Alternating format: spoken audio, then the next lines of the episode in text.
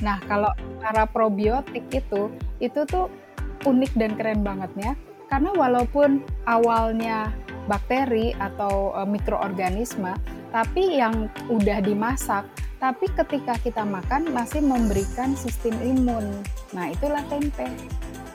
Bakteri-bakteri yang ada di dalam tempe itu mempunyai mekanisme melapisi saluran pencernaan sehingga bakteri E. coli itu tidak mau nempel, berkembang biak dan mengeluarkan toksin sehingga kita jadi diare. Belum bicara tentang bagaimana kalsium dalam tempe itu sama mudahnya diserap oleh uh, tubuh dengan misalnya kita minum susu.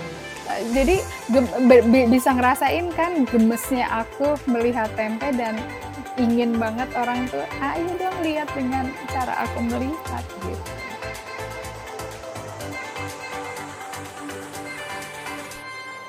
Halo semuanya, selamat datang lagi di podcast Sehat Seutuhnya bersama saya Will Yonas.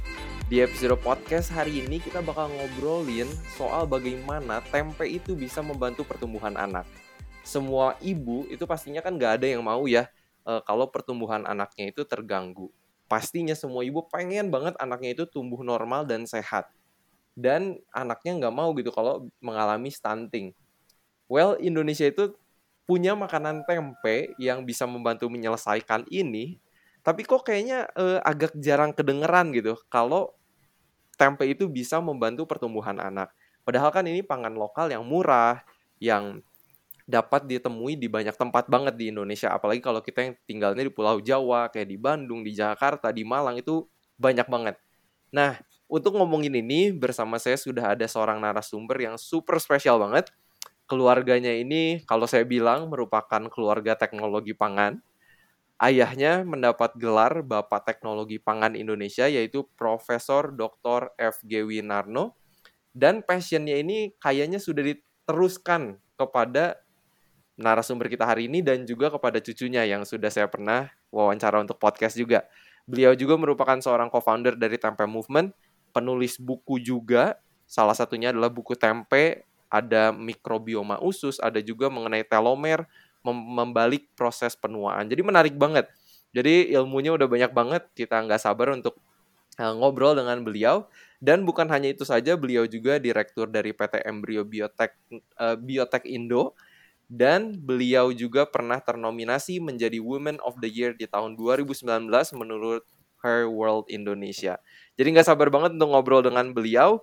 Jadi tanpa menunda-nunda waktu lagi, saya mau welcome Insinyur Wida Winarno MSI. Halo Ibu Wida. Halo Willy, selamat sore. Selamat sore juga selamat semua sore. yang mendengarkan. Gimana nih kabarnya Ibu Wida? Sehat? Baik, sehat seutuhnya sehat satunya ya. Baru ngobrol udah udah dapat nih trademarknya kayaknya. sehat seutuhnya. Gimana Bu ini di Bogor ya? Iya di Bogor. Ini dari pagi ini mendung kelabu. Tapi uh, kita biasanya orang Bogor tuh malah senang banget kalau gini kayaknya ini memang cirinya nih ya begini gitu. Jadi kita menikmati. Menikmati ya. Iya. Kayaknya emang terkenal sebagai kota hujan iya, juga. kota hujan.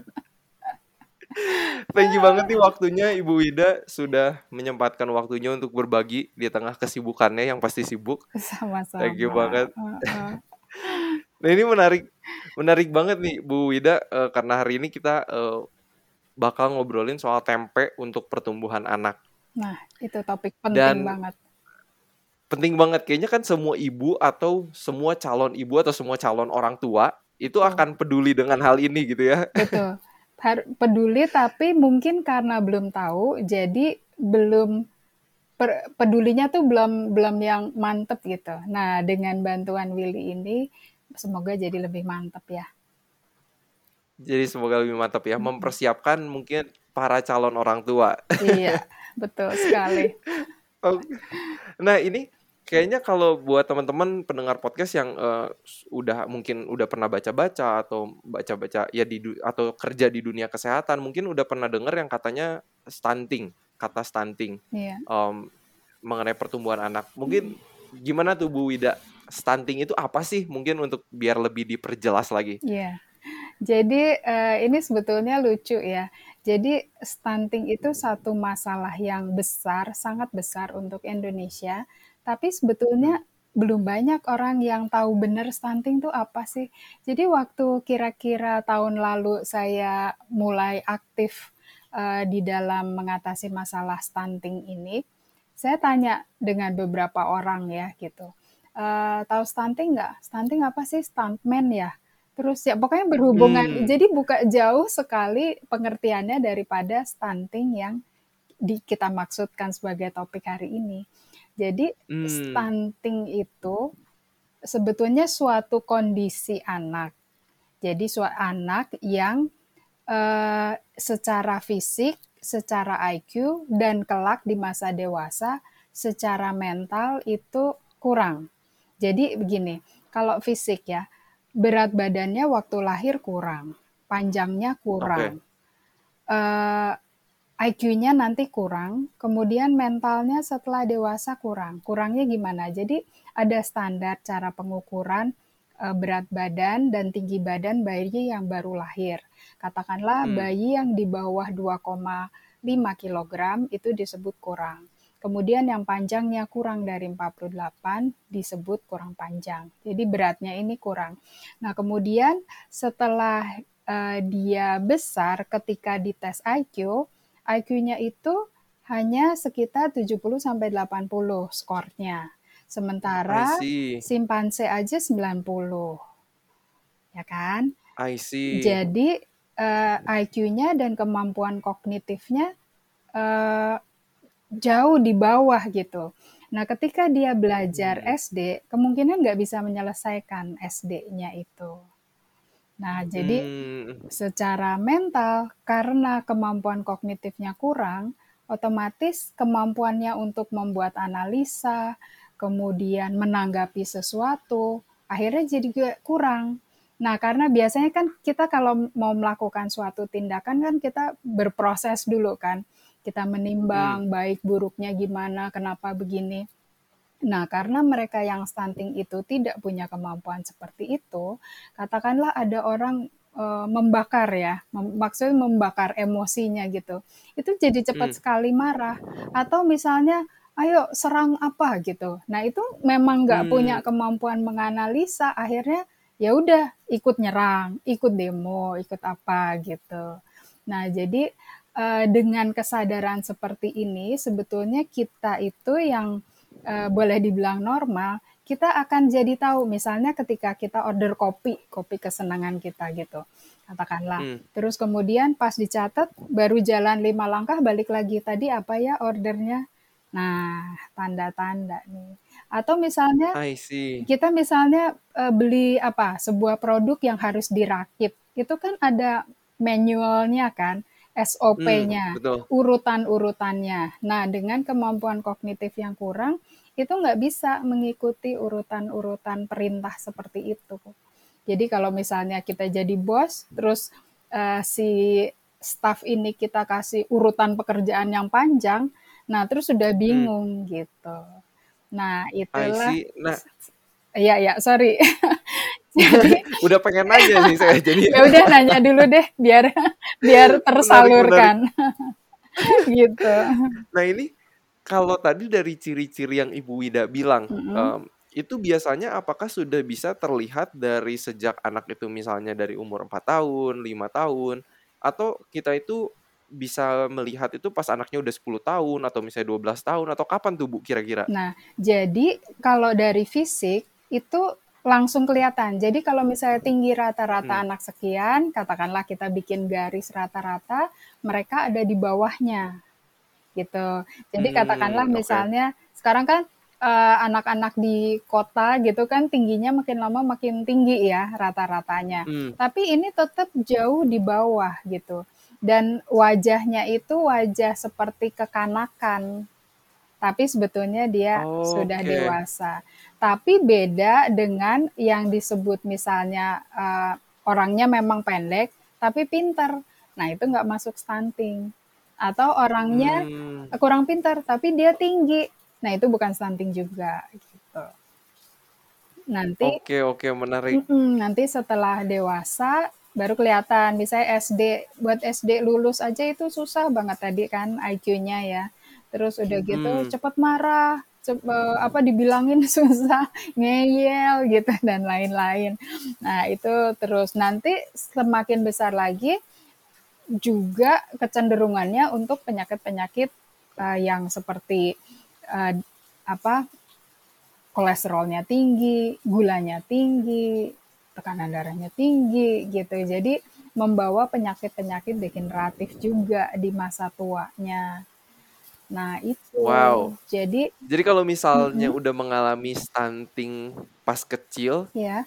Resiko te terkena penyakit degeneratif tuh lebih tinggi Lebih gitu ya? tinggi di usia dewasanya gitu.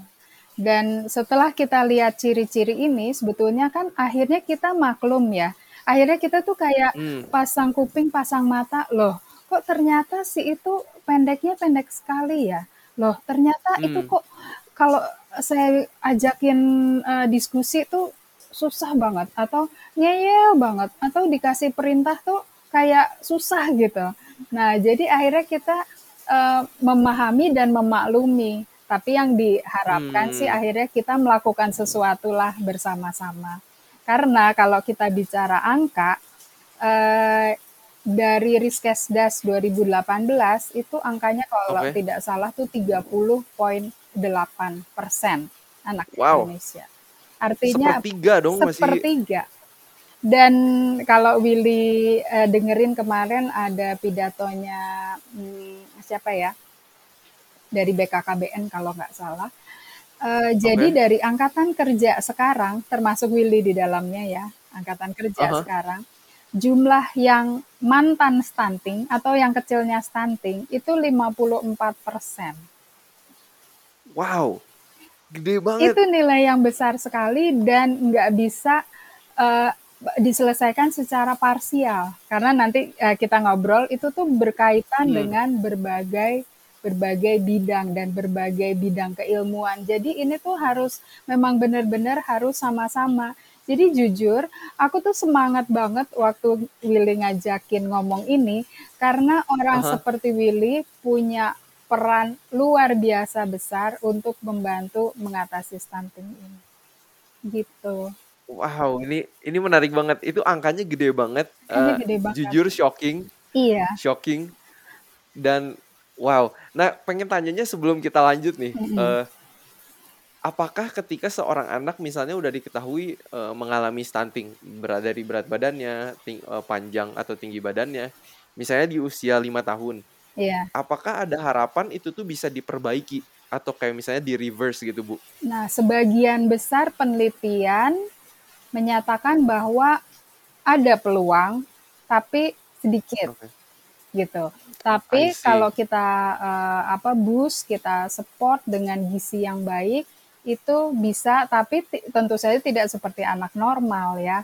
Tapi, eee, Mmm. kalau misalnya hal yang menyebabkan stunting itu sangat sistemik di lingkungannya rumahnya atau apa pun, nah itu kan jadi susah ya diperbaiki. Tapi kalau misalnya, eee, suatu ke kejadian terdampar di mana lalu jadi stunting, terus selanjutnya ini gitu kan, itu, eee, beda hal Mmm. ya. Tapi kalau sistemik terjadi di dalam, eee, lingkungannya, nah itu yang yang akan jadi permasalahan yang harus kita atasi bersama, gitu. Wow, menarik menarik. Mhm. Nah kalau di Indonesia nih, Bu, Mhm. kalau dari data yang ada, apakah misalnya yang mengalami stunting itu lebih banyak orang yang tinggal di perkotaan atau misalnya di pinggiran, atau misalnya pulau mana tuh kira-kira yang angka stunting-nya tuh lebih tinggi daripada yang lain, Bu? Mmm, kalau kalau bicara stunting itu, eee, boleh dibilang maksudnya setiap wilayah tuh ada aja gitu ya yang stunting, Mmm. ya dan jangan salah di kota pun juga tetap ada yang stunting. Misalnya di Wow. suatu daerah ya, misalnya kampung, lokalisasi apa gitu ya, lokalisasi Mmm. wanita ini. Dan banyak kejadian yang, eee, banyak anak yang lahir tidak diinginkan. Karena tidak diinginkan tentu saja I ibunya see. tidak merawat dengan baik, tapi kan anaknya sudah lahir. gitu. Nah, Hmm. jadi itu masalah perkotaan gitu. Dan kalau misalnya seluruh uh, wilayah Indonesia, katakanlah di daerah-daerah di mana mata pencariannya itu foraging atau mencari makanan di hutan misalnya. Hmm. Ya, kalau mencari makan di hutan kan kita nggak tentu dapat uh, proteinnya kapan. Atau kalau misalnya Hmm. lalu musim angin barat dan susah melaut nelayan, akhirnya ikan mahal. Akhirnya terus Hmm. anak-anak makan apa? Biasanya kan yang kepala keluarga dulu kan, yang uh, karena mereka uh, apa ada um, pride sebagai kepala keluarga, jadi makan dulu, baru anak-anak Hmm. makan kan. Jadi uh, macam-macam, tapi intinya memang sumbernya dari nutrisi atau dari gizi. I see. Mm-mm. Oke, ini menarik nih karena uh, semakin digali tadi juga uh, Ibu Ida sempat mention kalau stunting itu kan uh, bisa apa ya mungkin multifaktorial ya. Iya. Uh, ada beberapa uh, alasannya kenapa seseorang mengalami stunting. Salah satunya nutrisi. Tapi apalagi sih Bu efek uh, hal-hal lain yang bisa mempengaruhi pertumbuhan anak itu jadi nggak maksimal juga. Nah, jadi uh, mak- kita bicara misalnya sudutnya makanan ya. Jadi makanan. Hmm. Makanan yang intinya si anak itu kurang gizi. Tapi kurang gizinya tuh mulainya dari mana? Pasti Willy kan penasaran kan, mulainya kurang Betul. gizinya dari mana. Nah itu ada yang disebut istilahnya seribu hari pertama kehidupan. Ngitung seribu Hmm. harinya gimana? Sejak pembuahan jadi eh, anak atau embrio itu Hmm. sampai melahirkan, kemudian ditambah lagi dua tahun. Jadi kalau dihitung totalnya itu ada seribu hari. Nah, seribu hari berarti kita bayangin anak umur 2 tahun, mereka nggak punya eh, kemampuan atau nggak punya power apa pun untuk meminta sesuatu supaya dia nggak stunting. Ya kan? Hmm. Dia Ya. di dalam perut tergantung ibunya. Kemudian dia lahir nggak bisa apa-apa, tergantung ibunya, ASI. Ya kan? Hmm. Setelah ASI selesai, misalnya katakanlah ASI eksklusif 6 bulan selesai, kemudian dia tergantung lagi pada orang untuk diberi makan apa gitu. Nah, jadi eh, anaknya sendiri nggak punya power untuk mau nggak stunting gitu. Jadi tergantung Hmm. orang di sekelilingnya. Kadang-kadang ibunya sendiri tidak punya eh, pengetahuan yang cukup untuk mengasuh dan merawat anak itu, memberi makan yang cukup sehingga anak tersebut Hmm. tidak stunting. Belum lagi masalah-masalah yang lain seperti memang karakter pekerjaannya keluarga seperti itu, kemudian ada kejadian Hmm. lain misalnya karena memang tidak diinginkan dan lain-lain gitu. Jadi eh, memang acara-acara seperti ini bagus untuk menyadarkan paling enggak yang eh, beruntung anaknya tidak stunting atau ini bisa membantu wanita lain Hmm. sehingga kita membuat sebuah gerakan untuk mencegah stunting ini gitu. Wow. Dan setelah denger-denger ini ngobrol soal ini tuh kayaknya eh, makin bersyukur gitu kalau misalnya kita tuh ada dalam keadaan sehat Betul. dan gak ngalamin stunting gitu. Betul. Jadi itu juga Wow. waktu saya ini ini kita cerita santai nggak apa-apa kan ya. Jadi Iya waktu waktu saya eh, mulai masuk ke stunting itu memang sebetulnya karena eh, yang apa S3-nya ini bidangnya public health. Jadi di public health itu kan stunting Oke. memang eh, biasa di, dibicarakan gitu dan itu memang masalah nasional. Kemudian Hmm. eh, itu anak-anak kan udah besar kan, udah pada lulus. Biasanya kalau lulus kan kita selain eh, hore lulus, terus ya makan-makan kelulusan. Habis itu kan kita merenung ya. Kita merenung, Hmm. aduh eh, syukur, puji syukur, puji Tuhan, alhamdulillah anak-anak udah lulus. Nah, tapi habis itu terus kan kita dek, ya ampun, aku ini ibu yang sangat beruntung karena dari paling nggak kalau kita bicara 54%, kita tuh masuk persentase yang anaknya eh, tingginya cukup, kemudian pendidikannya juga cukup, bisa menyelesaikan Hmm. kuliahnya. Ya, terus gimana anak-anak yang lain? Ini kayaknya waktunya ibu-ibu ini supaya kita melakukan sesuatu untuk ibu-ibu lain yang akan mempunyai anak di masa depan, gitu kan. Jadi kayaknya Hmm. eh, apa naluri keibuannya juga ikut bermain gitu. Tapi eh, jadi dari situ, oh didalami lagi, ini tuh sebabnya apa, sebabnya apa. Makanya mulai tanya, tahu nggak sih stunting, tahu nggak stunting? Jangankan mm, anak Hmm. muda, bapak-bapak jauh banget gitu tahu stunting. Ibu-ibu pun ternyata juga nggak sadar stunting. Gitu. Oh, wow. Heeh, terus. Tapi ini berarti jadi ada apa ya motivasi yang eh, kayak alasan kenapa sih pengen membantu stunting gitu ya Bu ya? Betul betul. Kayak setelah merenung itu gitu. Iya. Terus udah gitu kan jadi kepikirannya, eh orang-orang tuh eh, stunting awareness aja belum tahu loh. Eh coba kita bikin ini. Hmm. Jadi waktu itu bikin segi empat ibu namanya. Jadi kalau lihat hashtag segi empat ibu, itu tuh kita Oke. bikin sebuah motif. Motifnya itu dari rajutan. Nah, motif dari rajutan itu bentuknya seperti granny square gitu. Eh, itu Oke. ada empat warna. Nah, yang tengah itu melambangkan anak. Jadi, satu eh, waktu itu tuh saya optimis, oh dari 30% mungkin akan selesai menjadi satu dari empat anak gitu ya.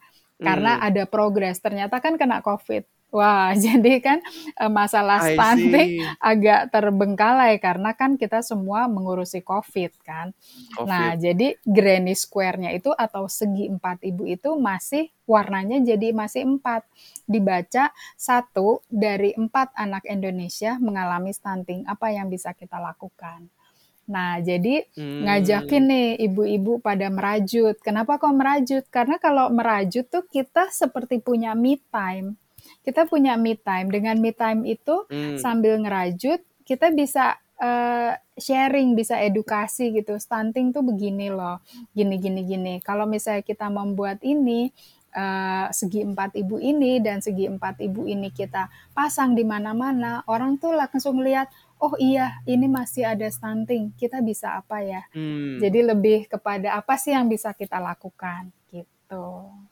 Wow, itu itu keren banget sih Bu karena kalau biasanya kan kita mikirnya oke kesehatan masyarakat kita edukasi Heeh. biasanya ngomong aja gitu kan Iya, kayak ngasih lecture atau apa tapi ini bikin aktivitas melalui merajut iya. Anchornya itu ke otak kan susah kalau kita cuma ngomong doang, ya nggak? Mesti wow dikasih keren keren sambutan. setuju setuju gitu banget wow ini ini aku aku konsepnya. keren banget keren banget keren banget nah ini kalau misalnya yang ibu lihat eh, di Indonesia ya kan tadi ada disebut ada masalah dari mungkin pekerjaan orang tua Mm-mm. kehamilan yang tidak diinginkan Mm-mm. pengetahuan Mm-mm. eh, bahkan faktor lingkungan Mm-mm. kira-kira kalau di Indonesia sendiri eh, faktor yang paling besar kira-kira apa sih bu Eh, kalau dibilang banyak eh, faktor apa, saya agak susah. Maksudnya setiap daerah punya eh, dinamikanya sendiri gitu. Tapi oke salah satunya kita sebutlah ASI eksklusif ya. Jadi hmm ASI eksklusif itu dari yang eh, seribu hari tadi, ASI eksklusif itu kan enam bulan, enam bulan dikali 30 hari. Itu udah kontribusinya eh, 180 hari ya. Nah, hmm itu tuh saat yang paling penting untuk anak mendapat asupan gizinya. Jadi hmm karena itu satu-satunya makanan kan. Nah, betul nah datanya eh, jadi yang ASI eksklusif murni betul-betul hanya diberi ASI doang tanpa tambahan makanan apa pun, itu biasanya di hmm bulan pertama itu masih tinggi. Bulan kedua menurun, ketiga menurun, keempat menurun, kelima menurun. Nah, itu juga bisa jadi karena setelah tiga bulan cutinya udah selesai, siap-siapkan nanti hmm berpisah dengan ibunya, gini-gini kan. Nah, terus udah gitu hmm ASI-nya harus dipompa dan lain-lain. Jadi biasanya kecenderungannya menurun. Tapi eh, jadi dari sisi ASI eksklusif pun ini ini juga banyak yang harus kita lakukan gitu. Banyak yang harus kita Hmm. dorong. Misalnya memberikan kolostrum atau menyadarkan jangan diberi susu formula, diberi Hmm. uh, ASI aja. Terus kemudian uh, membangun persepsi ib- ibunya bahwa mereka bisa loh menyusui ASI dan misalnya ada bisa ada persepsi lain, aduh nanti uh, habis nyusuin bentuknya jadi kayak apa ya gitu dan lain-lain gitu kan. Hmm. Itu kan Iya, bagian iya, iya. dari yang harus kita persepsikan baik gitu kan. Iya, jadi banyak sekali faktornya yang mempengaruhi, tapi kalau saya sih cara berpikirnya gini, emang kalau kita petakan masalahnya dan lain-lain, kita jadi ribet sendiri. Tapi kita mulai aja Hmm. dengan walaupun kecil, apa sih yang bisa kita lakukan gitu. Kecil juga nggak apa-apa, yang Yes. penting kita berbuat sesuatu. Contohnya hari ini. Yes, yes, yes, benar-benar. Dan Iya. Hmm. menarik menarik banget nih, eee, jadi lebih greget lagi nih ngomongin stunting. Kayaknya, eee, ini salah satu yang, eee, ya sebagai orang yang peduli kesehatan, kita bisa kontribusi apa gitu kan untuk Iya, menyelesaikan betul. menyelesaikan ini. Dan. Nah, Ibu Ida ini kan salah satu penggiat tempe nih, Bu. Eee, co-founder dari Tempe Movement juga, sama kayak Ando, pasti juga sama kayak ayahnya, Iya. eee, Ibu Ida ya. Iya. Nah, itu tuh sejak kapan sih Ibu Ida itu aware, Mhm. eee, kalau tempe itu bisa membantu menyelesaikan stunting gitu? Ah, jadi gini, waktu kita mulai menggerakkan Tempe Movement, itu kan sebetulnya kita tuh membalikkan sesuatu yang membalikkan persepsi orang ya, karena, eee, orang merasa tempe itu makanan tidak berkelas, tempe itu, eee, makanan murahan dan lain-lain. Dan Hmm. yang kita lakukan kan kita balik gitu. Maksudnya supaya tempe itu keren, tempe itu makanan yang Hmm. harus, eee, di apa ya, di eee, dicari-cari karena health benefit-nya gitu-gitu kan. Nah, Hmm. sebetulnya yang kita lakukan itu kan. Nah, jadi ketika kita melakukan itu karena kita background-nya, eee, teknologi pangan, bioteknologi dan Hmm. gitu-gitu, tentunya kita harus cari banyak banget literatur tentang tempe gitu. Nah, Hmm. jadi, eee, setelah kita pelajari baik dari sisi sejarah, dari sisi sains, dari sisi dan lain-lain, kita menemukan loh kok tempe itu, eee, keren ya. Dan memang Keren. Nice. keren dan dan lucu gitu. Ini tuh kayak kayak laboratorium gitu, kayak bioreaktor, tapi kok kita makan ya. Kalau kalau bioreaktor kan katakanlah yang paling sederhana, tabung reaksi. Nah, tapi kan nggak kita Hmm. makan. Kalau ini kan terjadi macam-macam proses, eh tapi kok kita makan, enak lagi gitu kan. Nah, itu Right. yang bikin gemes gitu. Ih, orang nggak bisa lihat sih itu tempe keren banget gitu. Itu tahun berapa tuh, Bu? Eee Pas aware itu tuh? Pas aware itu, 2015 karena mau mempersiapkan International Conference on Tempe. Jadi, eee, saya kan Hmm. masternya kan bioteknologi ya. Hmm. jadi di bioteknologi itu, tempe itu memang sudah sesuatu yang keren karena orang-orang sains biotek itu lihat tempe itu sesuatu yang memang wow gitu, banyak terjadi reaksi-reaksi di situ, tapi bentuknya see. makanan gitu kan. Sama seperti sekarang di public health, lihat stunting itu sesuatu yang bukan keren ya, tapi sesuatu yang Hmm. besar yang harus harus kita, eee, apa, lakukan sesuatu gitu. Nah, gitu. Hmm, I see. Mhm, mulainya tuh karena kita melihat dengan kacamata kita, terus kita ingin menyampaikan kepada masyarakat, tapi kita harus buat sesimpel mungkin, gitu. Hmm, oke oke. Nah, sebelum, eee, ngomongin nutrisi tempe nih, eee, kayaknya yang aku lihat juga Ibu Ida udah ke mana-mana, maksudnya ngajarin orang bikin tempe dan, eee, salah satunya bisa menolong stunting. Udah pernah ke mana aja tuh, Bu, eee, ngajarin orang bikin tempe? Wah, banyak. Aduh, banyak banget ya. Di dalam dan di luar negeri gitu ya. Jadi, eee, Hmm. misalnya yang contohnya mengajar bikin tempe di, eee, Papua. Jadi di Papua Oke. tadi kan ceritanya foraging ya, mencari, eee, Hmm. apa, berburu di hutan. Nah, saat berburu, ibunya ik berburu, ayahnya berburu, anak-anak ditinggal sendiri di rumah. Biasanya Oke. nggak ada makanan yang ditinggalin nih, kalau di kota kan ditinggal sama encus, ada Udah makanannya. Kalau ini ditinggal nggak gitu. Sementara banyak, eee, kacang-kacangan yang ada di daerah tersebut, banyak misalnya seperti biji nangka dan lain-lain. Nah, Mmm. jadi waktu itu di-support oleh PT ANJ, kita mengajarkan membuat tempe di, eee, 6 desa. Waktu itu di Desa Sambong, Mmm. di Sorong heeh, jadi di diajarlah membuat tempe, maksudnya kalau misalnya sampai nggak ada makanan, kalau tempe kan dibuat pagi sampai malam pun nggak basi gitu kan, anak-anak masih bisa Betul makan. betul. Iya, misalnya begitu. Terus kemudian, eee, baru Desember kemarin ngajarin bikin tempe untuk 2 grup di, eee, Maluku. Nah, itu memang, Mmm. eee, dari Dinas Pariwisata Provinsi Maluku, memang, eee, mereka menginformasikan pada bulan-bulan tertentu itu angin besar, sehingga, nggak bisa maksudnya bisa melaut, tapi inflasi tertinggi untuk produk pangannya tuh justru di sektor perikanan. Nah, jadi Oke. susah kan nggak dapat sumber, protein kan. Lalu Iya iya iya. di sana itu banyak kacang merah dan ada juga kedelai lokal di sana. Ah. Nah, jadi, ayo bagaimana kalau dibuat tempe, siapa tahu, eee, suatu saat bisa juga untuk, eee, memberikan gizi buat anak-anak gitu. Jadi, eee, kira-kira ceritanya tuh seputar gitu gitu, eee, ada sumber Mmm. daya lokal yang bisa dimanfaatkan, aku ajarin bikin tempenya gitu. Kalau di luar negeri kan beda gaya, maksudnya beda Beda gaya.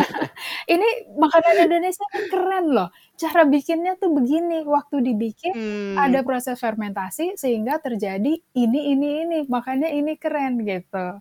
Kalau di dalam negeri kan, Mmm. ayo ada masalah apa, bisa mengatasi, eee, masalah loh gitu.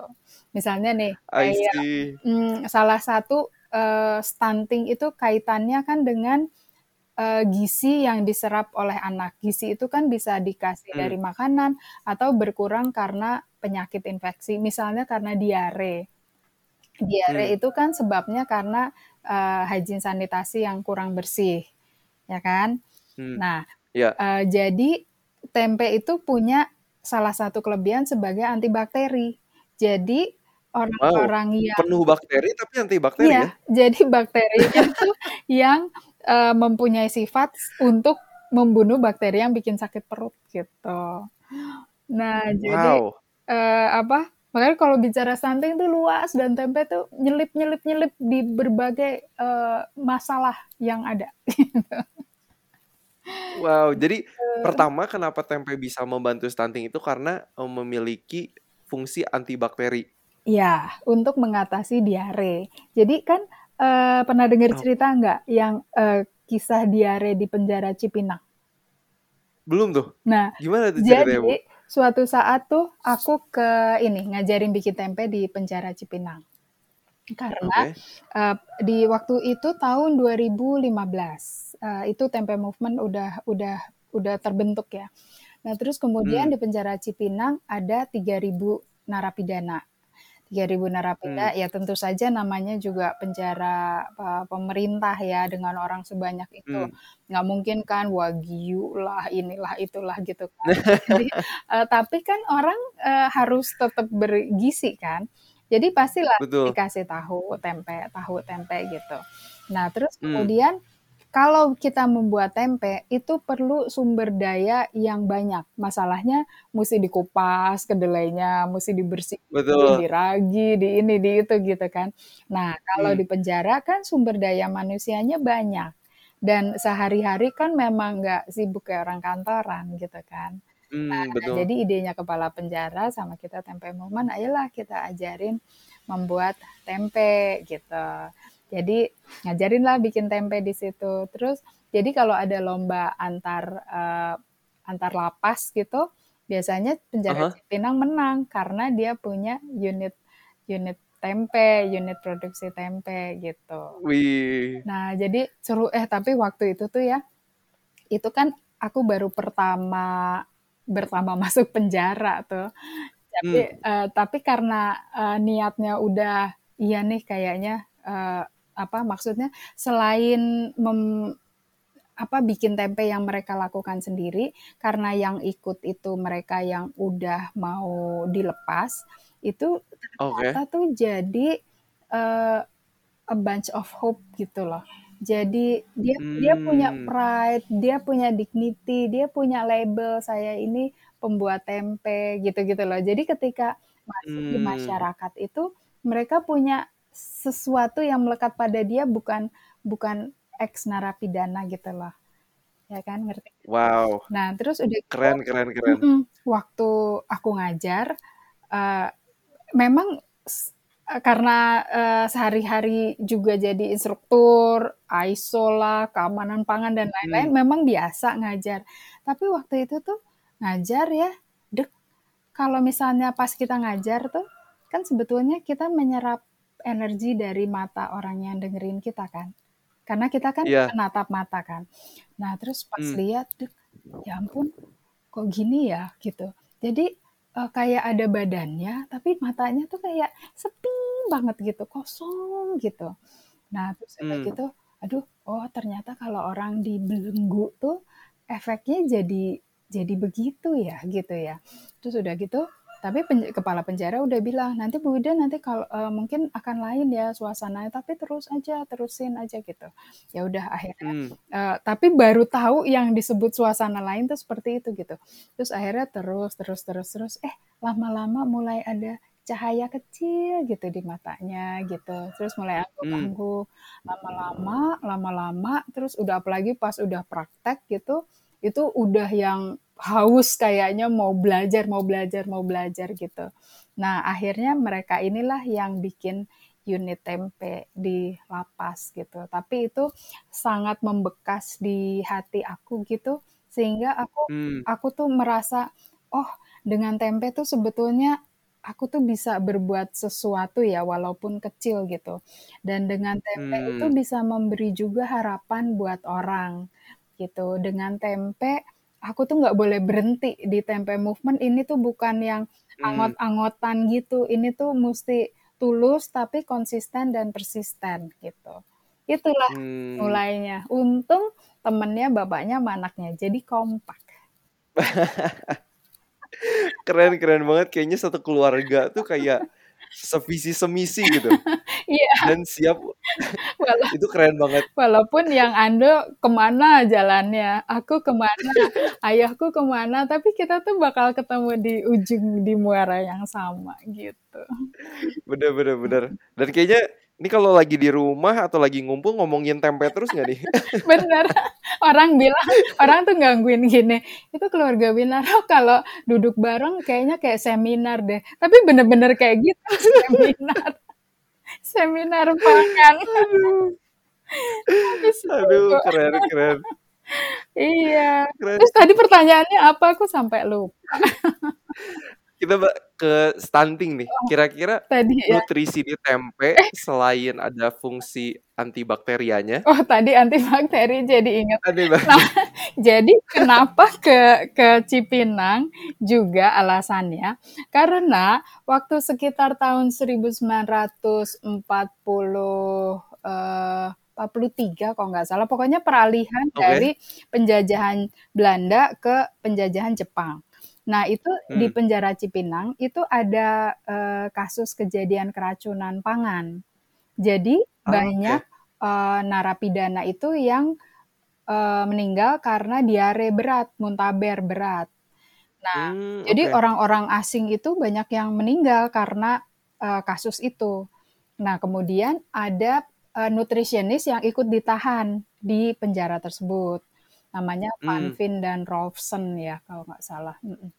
Terus mereka Oke. mengamati, loh kok orang orang Indonesia seger buger gitu sih sementara yang lain udah bergelepakan gitu.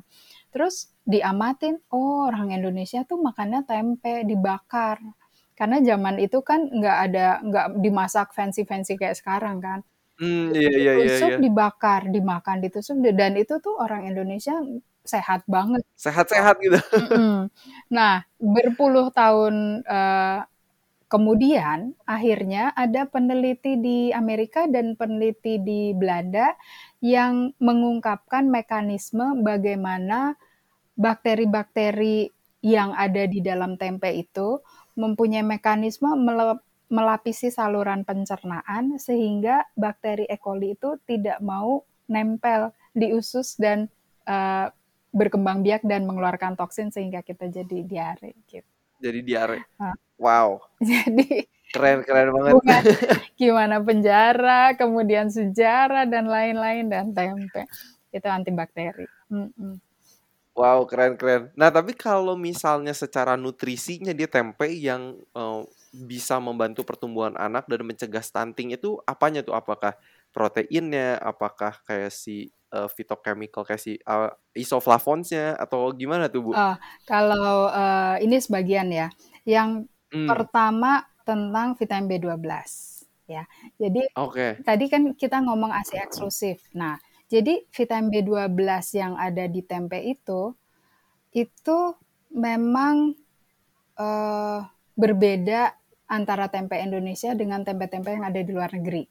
Jadi tempe yang Kenapa tuh? tempe yang ada di Indonesia itu vitamin B12-nya lebih banyak daripada tempe yang ada di luar negeri. Kenapa bisa begitu? Karena hmm. lingkungan dan udara yang dalam tanda petik jorok di Indonesia itu memungkinkan terjadinya bakteri uh, Klebsiella pneumoniae yang nempel di dalam waktu proses fermentasi itu sehingga memproduksi vitamin B12. Kalau di luar negeri dibuat dalam keadaan steril, si bakteri yang memproduksi vitamin B12 itu nggak ada. Gitu. Oke, jadi ada kotor-kotornya bagus ya. tapi kotornya jangan keterlaluan gitu. Tapi bukan kotor dalam arti jorok gitu ya. Tapi maksudnya kondisi hmm. Indonesia dengan iklim, kelembapan dan lain-lain itu memang membuat uh, vitamin eh, uh, bakteri itu senang tumbuh di dalam bersama proses pembuatan tempe gitu. Wih, keren banget. Dan hubungan vitamin B12 sama pertumbuhan apa tuh Bu? Nah, jadi uh, ibu-ibu yang kurang mengkonsumsi produk hewani biasanya asinya kurang vitamin B12. Jadi kalau okay. misalnya ASI itu kualitasnya ASI itu dipengaruhi dari uh, masa menyusui atau laktogenesis namanya. Kemudian kalau uh, baru uh, lahir kan kolostrum, kemudian ada hmm. ASI yang udah mature milk namanya gitu-gitu.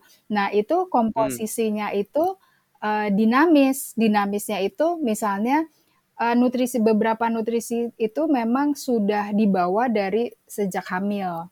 Jadi kalau hamilnya bagus, okay. tadi kan seribu hari pertama kan, hmm, bagus, betul. gizinya bagus, itu nanti asinya kualitasnya bagus. Nah, tapi dalam hal vitamin B12 dan beberapa vitamin uh, lain itu harus ditambahkan terus-menerus gitu. Maksudnya jadi bukan bawaannya dari waktu hamil. Nah, itu mesti hmm. terus-menerus dan salah satunya adalah vitamin B12. Nah, vitamin B12 ini diperlukan untuk sistem syaraf, percabangan di otak dan lain-lain hmm. gitu. Nah, kalau kemampuan kognitif hubungannya kan dengan perkembangan otak, sistem syaraf dan lain-lain. Nah, jadi vitamin B12 okay. ini diperlukan oleh ibu hamil dan ibu menyusui untuk vitamin B12-nya. Itu belum bicara tentang proteinnya, belum bicara tentang bagaimana kalsium dalam tempe itu sama mudahnya diserap oleh uh, tubuh dengan misalnya kita minum susu gitu. Wow. Bicara pro. ini apa ya? Berkat banget. Berkat banget ya kita tinggal di Indonesia ya. iya, jadi jadi bisa ngerasain kan gemesnya aku melihat tempe dan ingin banget orang tuh ayo dong lihat dengan cara aku melihat gitu. bener bener bener. Maksudnya ya kan vitamin ada B12-nya, ada proteinnya, ada kalsiumnya yang bagus banget untuk pertumbuhan gitu ya. Iya, antibakteri. Nah, tapi pertanyaannya Coba. antibakteri lagi. Nah, tapi kok uh, kenapa gitu uh, masyarakat Indonesia uh, apa ya mungkin belum menyadari ini dan mungkin kenapa uh, kayaknya tempe itu belum terdengar uh, dipopulerkan untuk mencegah stunting dibandingkan misalnya uh, produk hewani gitu ada seperti daging atau susu gitu. Mm-mm. Jadi memang uh, persepsi tempe itu sendiri belum belum sepenuhnya disadari gitu ya. Jadi hmm. sebagai makanan yang kurang keren atau buat ledek-ledekan misalnya, ah anak kos makannya tempe gitu kan. Kesannya hmm, tuh iya iya iya iya iya benar. Keren gitu kan. Sementara terus udah gitu belum nanti persepsi bahwa tempe jorok bikinnya. Persepsi bahwa tempe hmm. bukan untuk anak-anak persepsi bahwa nah macam-macam itu sebetulnya padahal bukti ilmiah yang membuktikan bahwa tempe itu baik itu memang sudah cukup banyak. Tapi berkaitan dengan stunting ya untuk uh, jadi tempe itu bagus untuk pencegahan dari berbagai. Okay. Tapi kalau untuk mengobati tetap perlu protein hewani.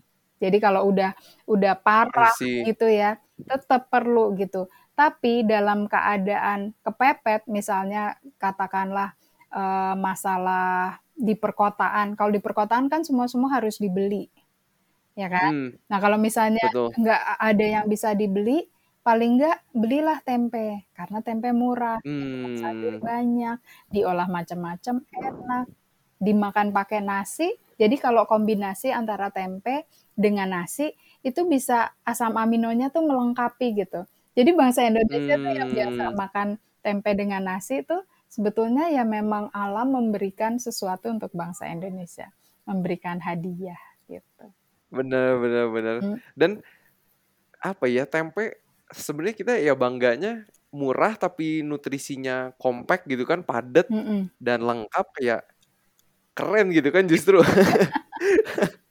iya, iya benar-benar. Itu belum bicara probiotik, prebiotik dan para probiotik.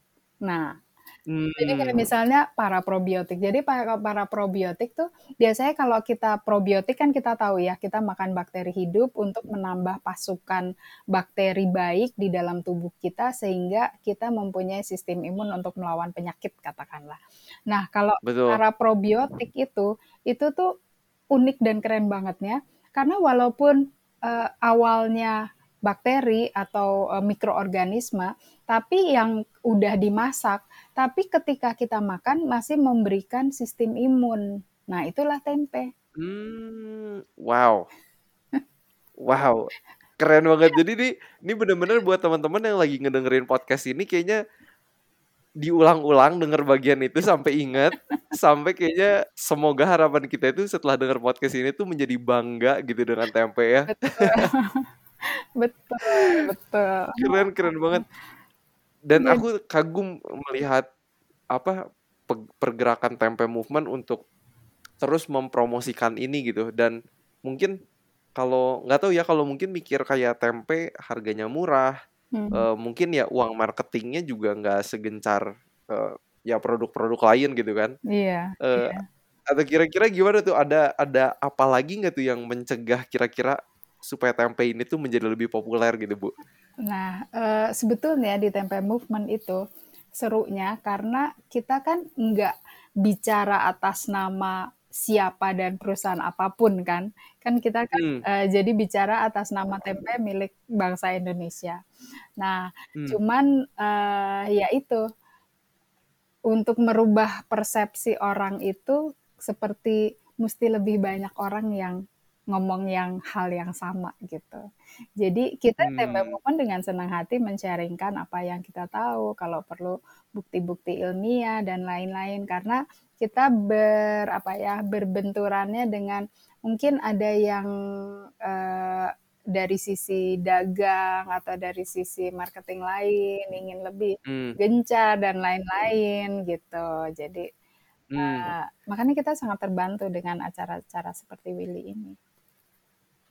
Wow, thank you, thank you dan senang banget karena tempe itu kebanggaan Indonesia dan setelah aku lihat juga kayak ini aku lagi baca buku ibu juga yang soal tempe kan. Dan aku semakin baca tuh kayak aku semakin kagum gitu sama tempe kayak wow, ini keren banget. Iya, jadi ya mari kita sama-sama ya kita lakukan sesuatu dengan tempe untuk stunting gitu kan.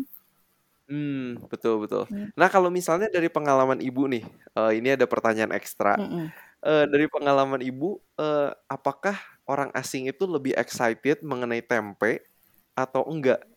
Eee, kalau pengalaman ketika di luar negeri jadi gini, eee, di Kanada itu ada acaranya chef-chef terkenal pokoknya, eee, keren lah kalau bisa datang ke acara itu gitu yang di dunia, Hmm. eee, di dunia kuliner gitu. Namanya Terroir Symposium. Nah, terus tahun 2019 apa ya? Nah, 2019 itu aku diundang bicara ke sana, yang undang mereka loh, yang undang mereka dan Mmm. suruh bicara tentang tempe, tempe doang. Terus Wow. udah heeh, itu di Kanada. Terus udah gitu di UNWTO acara gastronomi, itu juga hah. diundang ke sana bicara tempe doang. Terus di Korea, di acara fermentasi, internasional fermentasi, suruh bicara tempe doang. Nah, jadi aku Wow. dengan beberapa, eee, dan lihat animo orang ya waktu dengerin tempe itu tuh, mereka tuh yang, eee, agak-agak melongo gitu dan terus setelah bicara tuh mereka kayak, "Oh jadi gini, jadi ini, kayak apa bentuknya?" Gitu-gitu. Jadi aku Mmm. melihat sih dari beberapa itu ya, aku menyimpulkan, oh orang luar negeri tuh melihat tempe tuh sesuatu yang keren. Maksudnya, eee, bicara 8 sampai 15 menit dan membiayai seluruh perjalanan jauh itu, itu kan kalau orang nggak melihat itu sesuatu yang keren kan mereka mungkin nggak Kan nggak mungkin ya dibiayain gitu ya. Iya kan? Iya iya iya. Jadi dan mungkin di luar negeri itu tempe positioning-nya tuh sebagai superfood gitu. Jadi itu tuh Mmm. sesuatu yang keren gitu. Jadi pernah ya ada, eee, pengusaha, eee, plant based food dari Belanda, perusahaannya tuh memang udah besar gitu, terus ke Indonesia. Oke.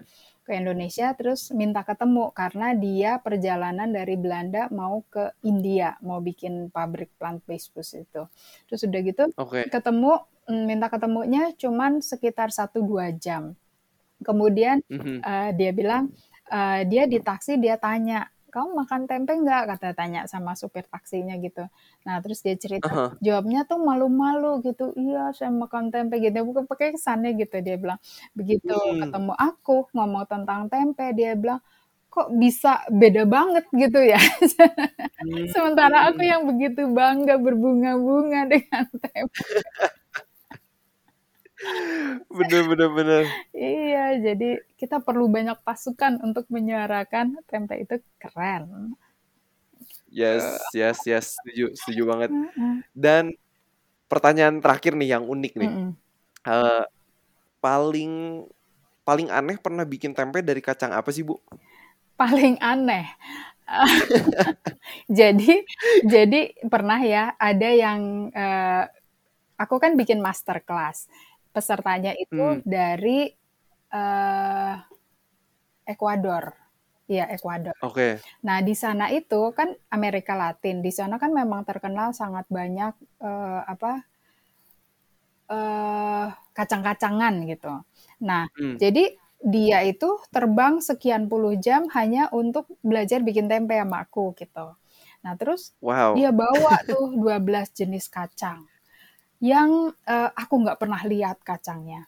Terus, eee, Mmm. dia tanya tuh, dia sama yang peserta lain, dia tanya, "Kamu sini apa?" "Oh iya, saya ketemu Wida di acara internasional apa, makanya saya ke Indonesia belajar bikin tempe," gitu.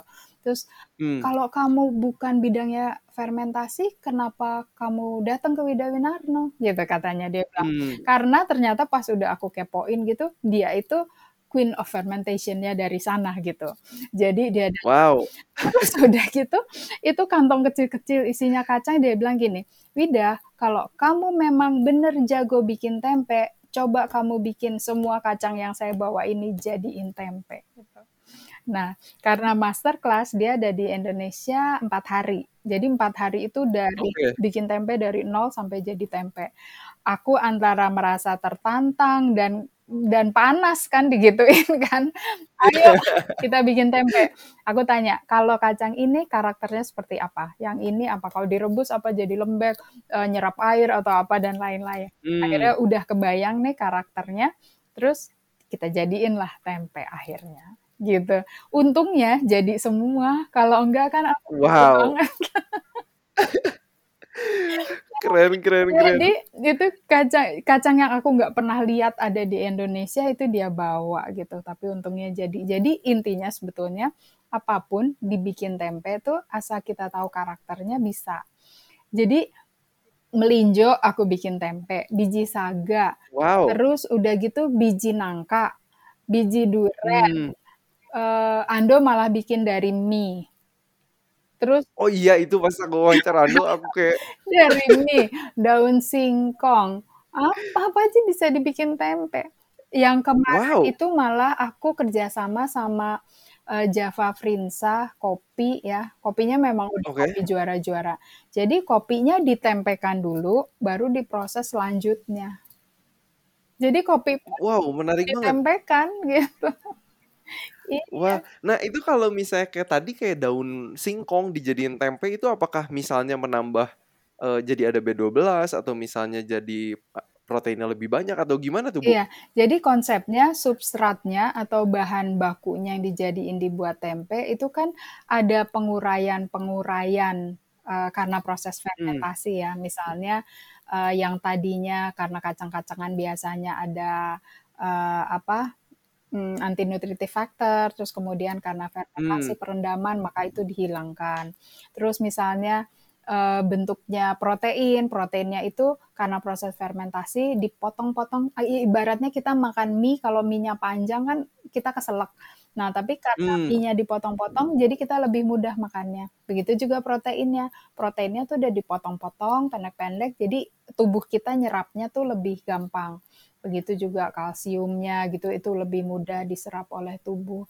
Jadi, eee, yang kita makan itu badannya dari, eee, jamur yang untuk bikin tempenya itu, yang putih-putihnya itu.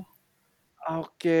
Jadi apa pun substratnya kita makan itunya juga, makan putih-putihnya itu juga. Nanti, k kandungan dari berbagai jenis tempe akan berbeda-beda gitu. I see. Wow, ini keren banget. Mmm, waktu itu Ando cerita yang, eee, pakai biji nangka dan aku coba di rumah tapi masih gagal. Heeh. Biasanya Coba karena ke airnya terlalu banyak. Kalau airnya terlalu banyak, masukin eee, bikin dia kering sedikit ya, entah di air fryer atau oven sebentar, eee, baru diragiin biasanya. I see. Mhm. Tapi kemarin yang enak banget itu pakai green split peas. Oh, iya. Itu enak itu enak banget. Ini, eee, kan di Jember kan banyak edamame. Edamame dibikin tempe Ah. tuh juga enak banget. Maksudnya kalau kita bicara sumber daya lokal ya, kacang lokal Ah hah. gitu. Nah, jadi banyak yang dibikin tempe enak ya kan, tergantung selera. Wow, keren keren keren. Ini akan dicoba, akan dieksplor. Iya. Dan ini seru banget nih ngobrol sama sama Ibu Ida. Kasih. kayaknya masih banyak banget yang bisa digali dari otaknya Ibu Wida. Dibongkar ya. Dibongkar. Jadi nanti kalau misalnya sampai diundang lagi, mmm, kemungkinan besar akan diundang lagi untuk berbagi lagi bila berkenan. Iya, dengan senang hati, semangat. Dan dan kira-kira ada pesan-pesan terakhir nggak nih dari Ibu Wida mengenai tempe, eee, untuk stunting, untuk pertumbuhan, Bu? Nah, pesannya pasti udah kebaca deh. Jadi kita kan memiliki tempe yang keren ya. Jadi ayo dong kita harus bangga sama tempenya.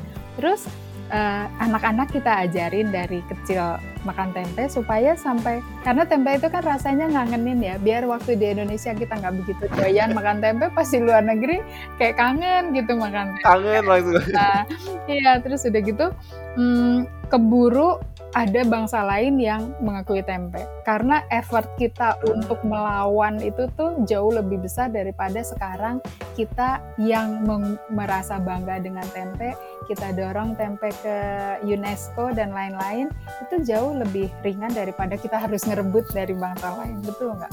Hmm, betul betul betul. Terus mungkin yang terakhirnya, jadi dengan berbagai persoalan bangsa yang kita hadapi, terutama karena saya lihatnya dari sisi gizi, dari sisi nutrisi ya, itu sebetulnya tergantung hati kita ini tuh kita letakkan di mana dan kita letakkan untuk siapa gitu. Jadi Hmm. walaupun kecil, yalah kita sama-sama kita bahu membahu, gotong royong lakukan sesuatu gitu. Yes. Oke, thank you banget Ibu Wida atas yang sudah dibagikan semuanya. Semoga informasi yang dibagikan Ibu Wida ini bermanfaat buat teman-teman pendengar podcast kalian dan pastinya kalau teman-teman merasa terberkati, merasa podcast ini bermanfaat, apalagi mengenai episode ini, please share ke teman-teman yang lain supaya teman-teman Indonesia yang lain juga bangga terhadap tempe dan makan tempe lebih sering. Dan kalau begitu, harapan saya seperti biasa, semoga kita sehat seutuhnya. Sehat seutuhnya. Terima kasih banyak Willy.